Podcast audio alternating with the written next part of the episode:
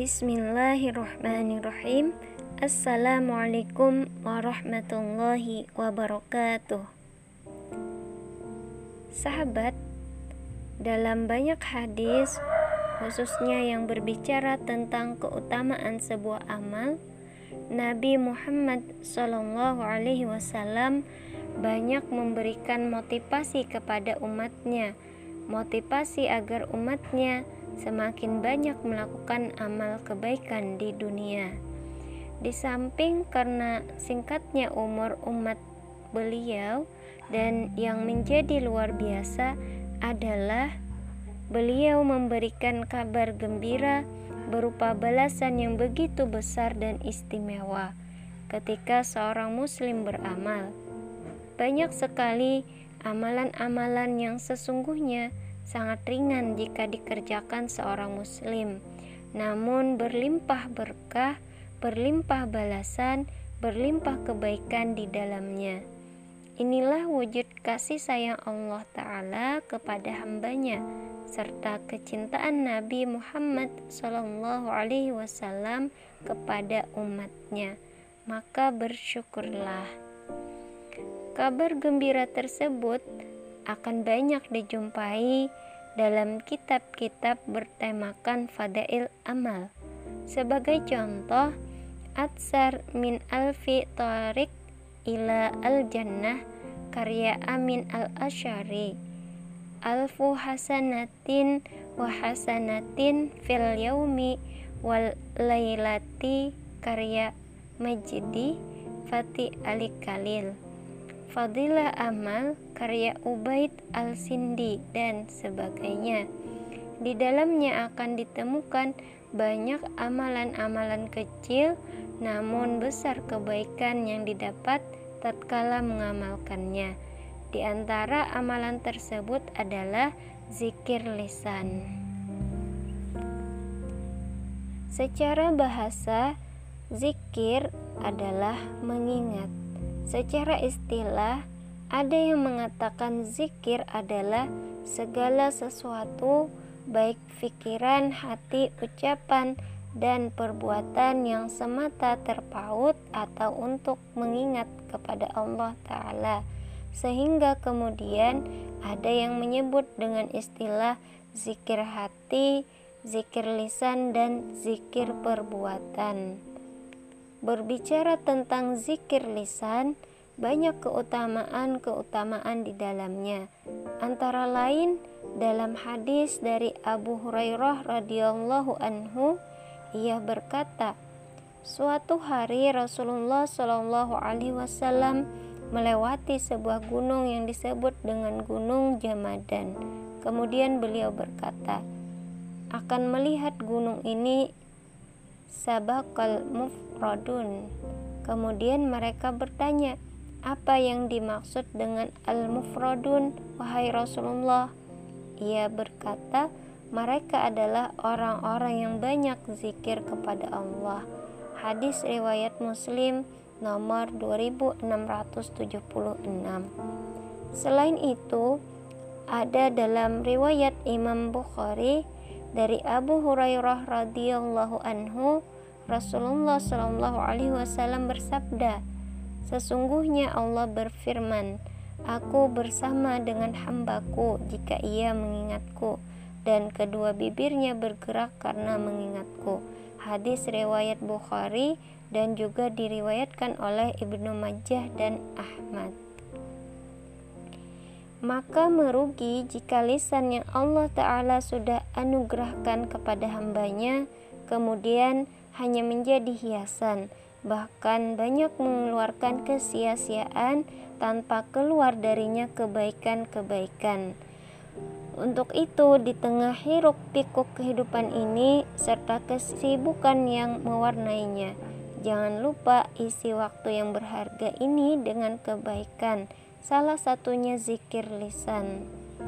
Saat berkendara, gunakan momen sepanjang perjalanan untuk melantunkan ayat-ayat suci Al-Quran yang telah dihafal, karena membaca ayat suci Al-Quran adalah bagian dari zikir lisan.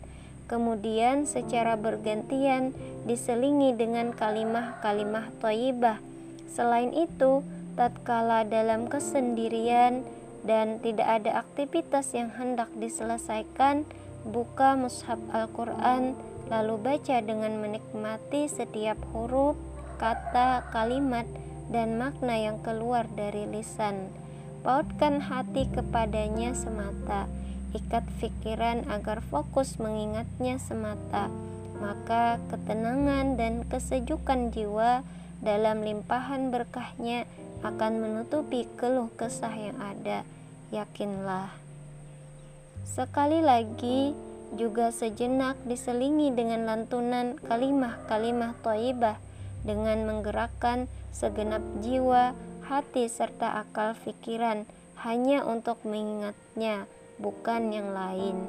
Basahi pipi-pipi ini dengan tetesan bulir-bulir air mata, karena dosa-dosa yang telah diperbuat. Tertunduk dalam kehusuan, memohon kebaikan kepadanya, agar menjadi hamba yang layak dan pantas bersua dengan Nabi Muhammad Shallallahu Alaihi Wasallam di surga kelak juga bersama orang-orang yang dikasihi.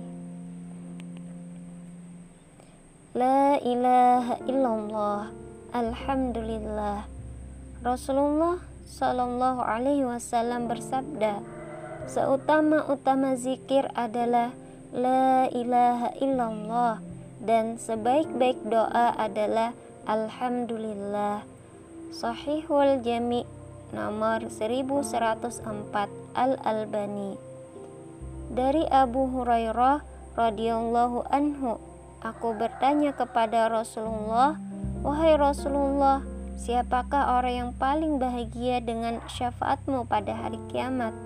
Kemudian Rasulullah menjawab Aku sudah menduga bahwa tidak ada seorang pun yang paling awal bertanya tentang hal ini kecuali engkau, wahai Abu Hurairah, sebab aku tahu engkau adalah orang yang paling haus tentang hadis.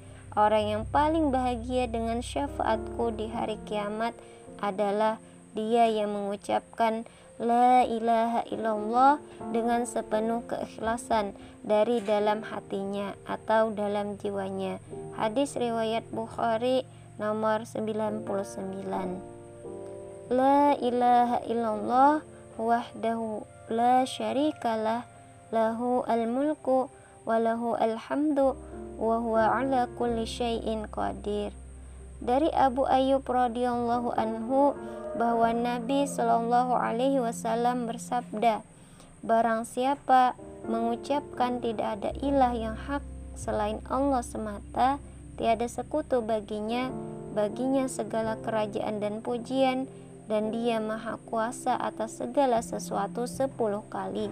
Maka dia seperti membebaskan empat budak dari keturunan Ismail.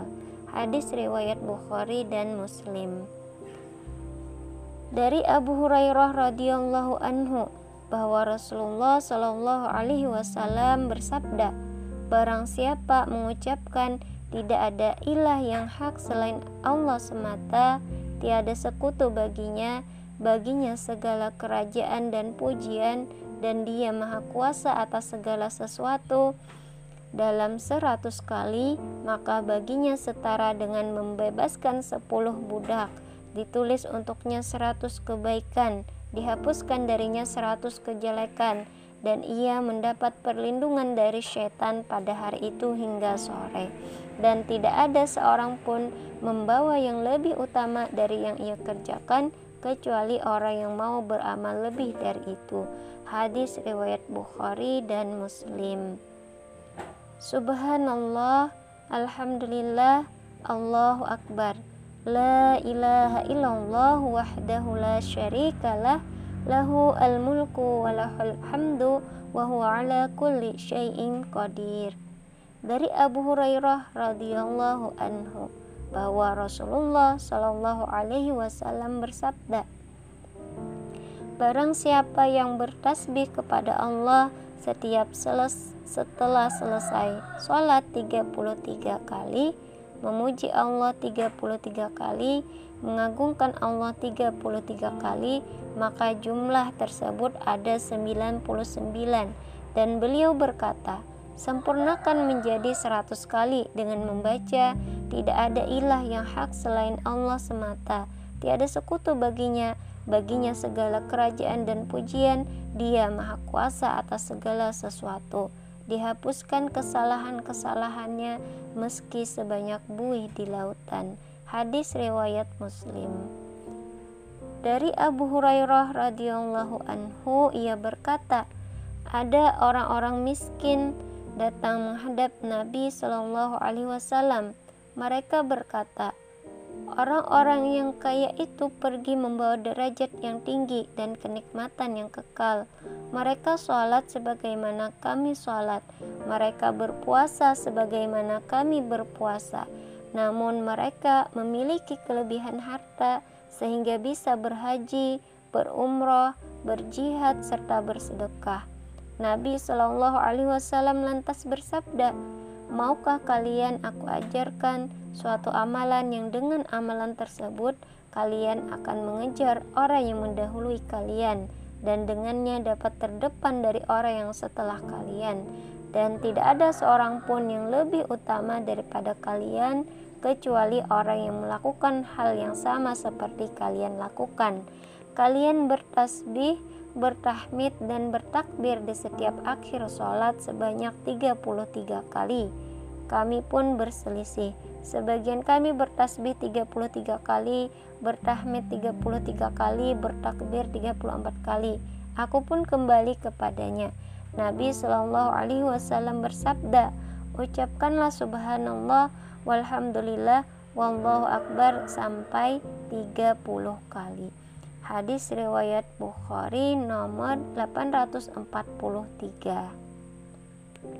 Subhanallah wa bihamdihi. Dari Abu Hurairah radhiyallahu anhu bahwa Rasulullah Shallallahu alaihi wasallam bersabda, barang siapa mengucapkan Maha suci Allah dan segala puji baginya dalam sehari seratus kali, dihapuskan kesalahan-kesalahannya meski sebanyak buih di lautan. Hadis riwayat Muslim nomor 2691. Subhanallah wa bihamdihi subhanallahil azim. Dari Abu Hurairah radhiyallahu anhu berkata, Rasulullah shallallahu alaihi wasallam bersabda, dua kalimat yang ringan di lisan berat di timbangan dan dicintai Ar-Rahman. Maha suci Allah dan segala puji baginya. Maha suci Allah yang maha agung. Hadis riwayat Bukhari dan Muslim. Subhanallah walhamdulillah wala ilaha illallah wallahu akbar. Dari Abu Hurairah radhiyallahu anhu berkata, Rasulullah shallallahu alaihi wasallam bersabda, sungguh Aku mengucapkan subhanallah walhamdulillah wala ilaha illallah wallahu akbar lebih aku sukai dari segala yang matahari terbit di atasnya. Hadis riwayat Muslim nomor 2695. Subhanallah walhamdulillah wala ilaha illallah wallahu akbar wala haula wala quwata illa billah.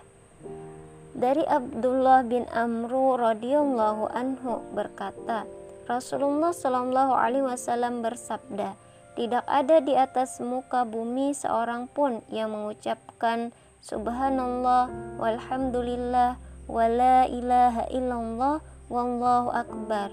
Wala haula wala quwata illa billah melainkan diampuni dosa-dosanya meski sebanyak buih di lautan. Hadis riwayat At-Tirmizi. La haula la quwata illa billah. Abu Musa radhiyallahu anhu meriwayatkan bahwa Rasulullah Shallallahu alaihi wasallam berkata kepadanya sebagai berikut, ucapkanlah la haula la quwata illa billah atau tiada daya dan kekuatan kecuali karena Allah karena ia adalah sebagian dari harta karun surga. Hadis riwayat Bukhari dan Muslim. Semoga kita termasuk hambanya yang beruntung, kelak dapat berjumpa dengan Nabi Muhammad SAW serta berkumpul bersama dengan orang-orang yang kita kasihi di surganya. Amin ya Rabbal 'Alamin. Wassalamualaikum warahmatullahi wabarakatuh.